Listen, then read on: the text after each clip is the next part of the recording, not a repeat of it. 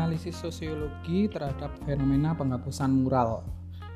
Fenomena penghapusan mural yang berisi kritik terhadap pemerintah yang baru-baru kali ini kita temui seperti Jokowi not found dan dipaksa sehat di negara yang sakit menandakan bahwa ruang publik cenderung didominasi oleh ideologi represif state apparatus atau RSA.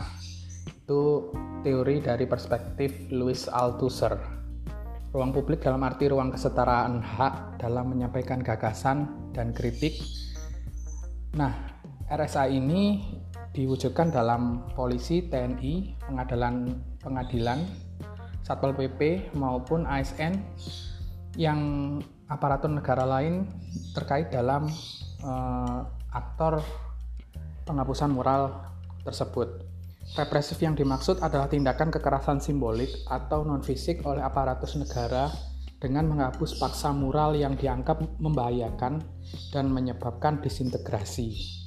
Dominasi ideologi RSA tersebut seperti ideologi etika, ideologi norma, ideologi agama, dan ideologi Pancasila ditafsirkan dalam kontekstualisasikan sebuah demi kepentingan RSA tersebut ya dan bertujuan untuk meningkatkan legitimasi negara mengingat bahwa presiden dan aparatur pemerintah terkait tidak mampu mengatasi wabah COVID-19.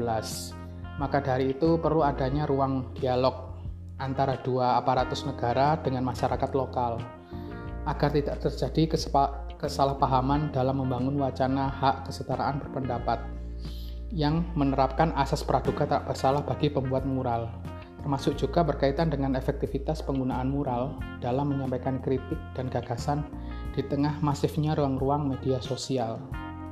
Jangan sampai dominan RSA ini mencederai ruang-ruang demokratis agar janji suci reformasi tersebut bisa terimplementasi dan teraktualisasi secara berkelanjutan.